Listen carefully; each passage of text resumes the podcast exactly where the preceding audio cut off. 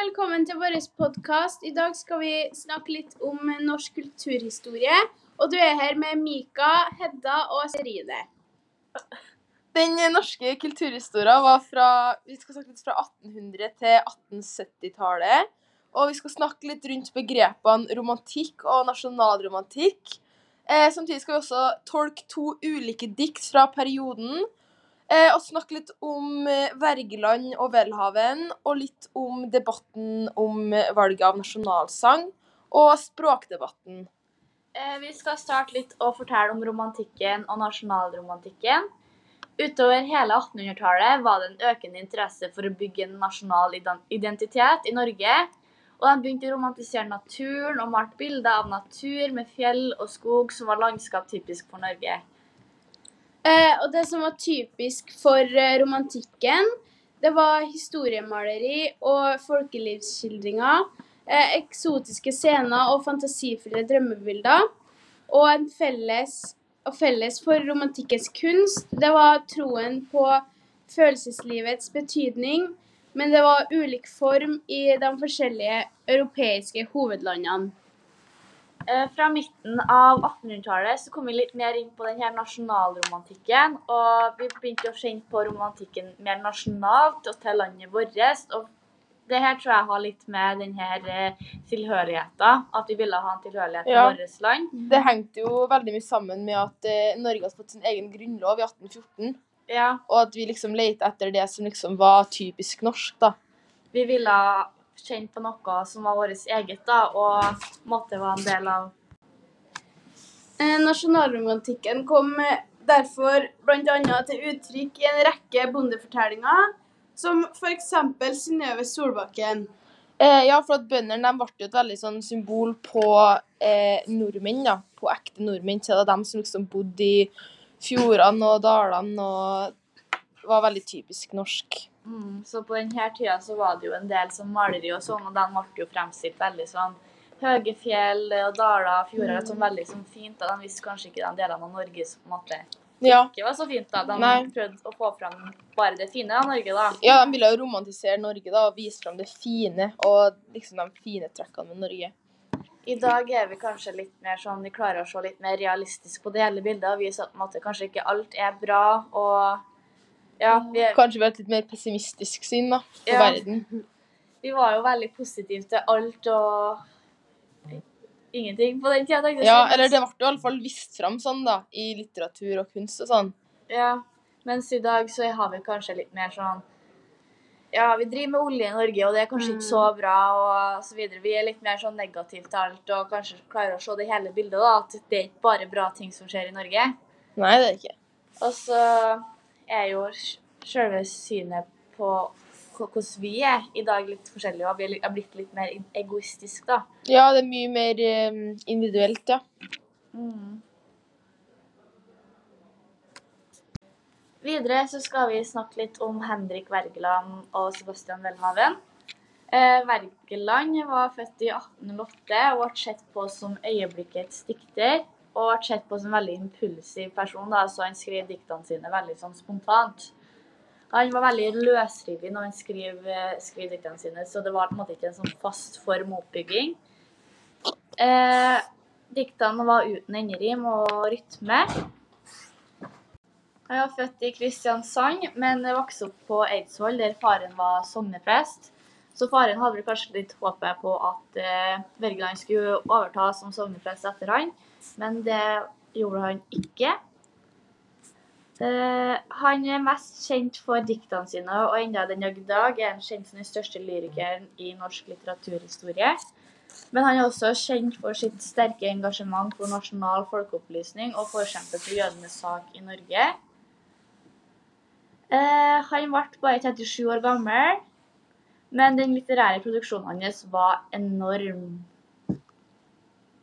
Eh, samtidig, på samme tid, så levde Welhaven. Eh, han var også en av, eh, en av eh, tids, den tidsperiodens største diktere, og han ble kalt for endringens dikter. Han var litt mer tilbakeskuende og konservativ. Eh, han ville bl.a. også holde dansk. Eh, og diktene hans var mye mer stramt komponert, og de var mye mer klassisk stil. Eh, til motsetning til Wergeland, som hadde mye mer eh, løsrive dikt, da. Eh, han var prestesønn fra Berge, og faren hans ville at han skulle studere teologi, men Welhaven var veldig lite motivert og ga opp teologistudiet veldig fort. Istedenfor så begynte han å studere litteratur og filosofi, og han ble lektor og etter hvert professor ved universitetet i Kristiania. Velhaven Welhaven sitt syn på kunstverk var klassistiske idealer, og kunstverk måtte oppfylle strenge krav til skjønnhet og harmoni. Han mente at eh, form og innhold hørte sammen, da i motsetning til Wergeland, og tankene måtte modnes før de kunne bli til dikt, og formen kunne gjenspeile seg denne modninga. Så han var litt mer sånn ting måtte planlegges, og det skulle følge en fast eh, form, da, i forhold til Wergeland. Ja. Han var ikke like spontan som Wergeland. Nei. Eh, han ga ut til sammen fem lyrikksamlinger. Og i Welhaven sine dikt så finner vi skikkelser fra norsk folketro og norrøn mytologi og emner fra norsk historie. Eh, Welhaven mener da at diktet skal røpe det utsigelige, noe som kan formidles med direkte ord. Og det her finner dikterne i dypet av sin egen sjel. Ja, eh, Videre så skal vi fortsette med tolkning av eh, to dikt. Vi skal begynne med Det tornede tre av Welhaven. Eh, Jeg kan starte med å lese opp diktet. Eh, Ynder du treet, da må du ei ha det, den vasse torn mellom blomster og blade. Da treet var ungt, men den blødeste hud, ble det et stanset, forkommet skud. En torn er en kvist, der har taget skadet. Tenk hva et spirende liv må lide, hvor mørket ruger og tåkene skride. Ja, se deg om på den fattige plett, hvor treet led og ble tornekledt, og bar deg blomster duftende blide. Blant all den glede en vår utfolder, er tornet et savn som planten beholder, den siger i vekstenes dumme sprog. Jeg sårer, men akk, jeg gjemmer dog en større smerte enn jeg forvolder. Diktet her hører vi jo veldig fort at det hører jo til i romantikken. Siden romantikken handler veldig mye om følelser, eh, skjønnhet og ånden i naturen. Og det gjør jo det her om det tornede treet, og det handler om naturen og hvordan den liksom Skjønnheten med det. Og da kan vi jo tolke det litt som om at vi kan jo høre at treet har hatt, eller fått smerter i oppvoksen, da. Og det er jo derfor det treet har fått torner i tillegg til blader og blomster. Eh, vi kan jo se det litt som at eh, treet har liksom fått torna med tida da, for å beskytte seg sjøl med erfaringer det har fått. Og den har liksom den, Når den var ung, eller når treet liksom var lite, så var det liksom skjørt og, eh, og svakt. Men nå har det liksom vokst seg til å bli sterkt og kjempe tilbake, da. Du har fått en fasade Mhm. som måtte kjempe litt imot det Ja. motgangen man møter, da. At den lar ikke kanskje alle slippe helt Nei. innpå seg, men stikker den unna. Ja, det kan jo sammenlignes litt med mennesket òg. Ja. Så det kan jo kanskje være et bilde på at det, et menneske, da, på en måte. At det Ja. Ja, for det er jo sånn, det er jo litt sånn vi òg er, da. At Ja. vi liksom, når vi er liten, så er vi liksom Vi tåler veldig lite da, for at vi skal bli lei oss. Ja. Og så gjennomgår vi ting i oppveksten som kanskje får oss til å bli sterkere, da. Ja. Sånn psykisk. ja både på godt og vondt, liksom. Mm. Videre så skal vi sammenligne med et dikt fra Henrik Wergeland som heter 'Sommerfuglen'. Så jeg kan starte med å lese opp det. Den prektige sommerfugl er fløyen fra Guds hånd. Han ga den gylne vinger og røde purpurbånd. Han lærte den å flyve høyt, høyere enn jeg er. Den har nok fuglens lyster, men ei dens dun og fjær. Og alle verdens mennesker og alle kongebud. Ei gjøre kan en sommerfugl, det kan alene Gud. Eh, ja, her kan vi kanskje tolke det som at sommerfuglen er et symbol på frihet. Den er fri i naturen og kan fly så høyt den vil. Og det her kommer til uttrykk at den er fløyet ved Guds hånd. Så Gud eier den ikke, den er skapt fri, og derfor må den være fri. Og her kommer litt den nasjonalromantikken eller romantikken og sånn. Ja, naturen er dens hjem, og den lever fritt der. Så det legger vekt på at naturen på en måte er en friplass da, og et fint sted. Mm, at det er der den liksom hører hjem da, i naturen, og at den er fri. Mm. Det er også Fokuset legger jo det at det er bare Gud som kan gi noe som er så fantastisk som livet. Og at det er også kun han som kan skape skjønnheten til en sommerfugl. Eh, motivet til diktet vil altså være den konkrete handlinga til diktet, at Gud har skapt en sommerfugl, og at han har lært sommerfuglen å fly høyt. Eh, jeg ser personlig på dette diktet som en hyllest til Gud, og at eh, det er av at forfatteren sjøl er kristen. Jeg tror at Wergeland det dette diktet prøver å få frem at Gud finnes, og at han er til stede blant oss. Ja, Det kan jo også sammenlignes litt med, med det andre diktet, det tornede tre. Det med at man kan sammenligne det litt med mennesket. da.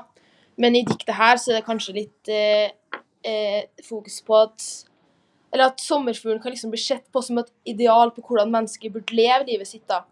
At det burde gå tilbake til naturen og bort fra det industrialiserte samfunnet. Um, og at vi liksom må vende tilbake til naturen for å bli fri, da. Mm.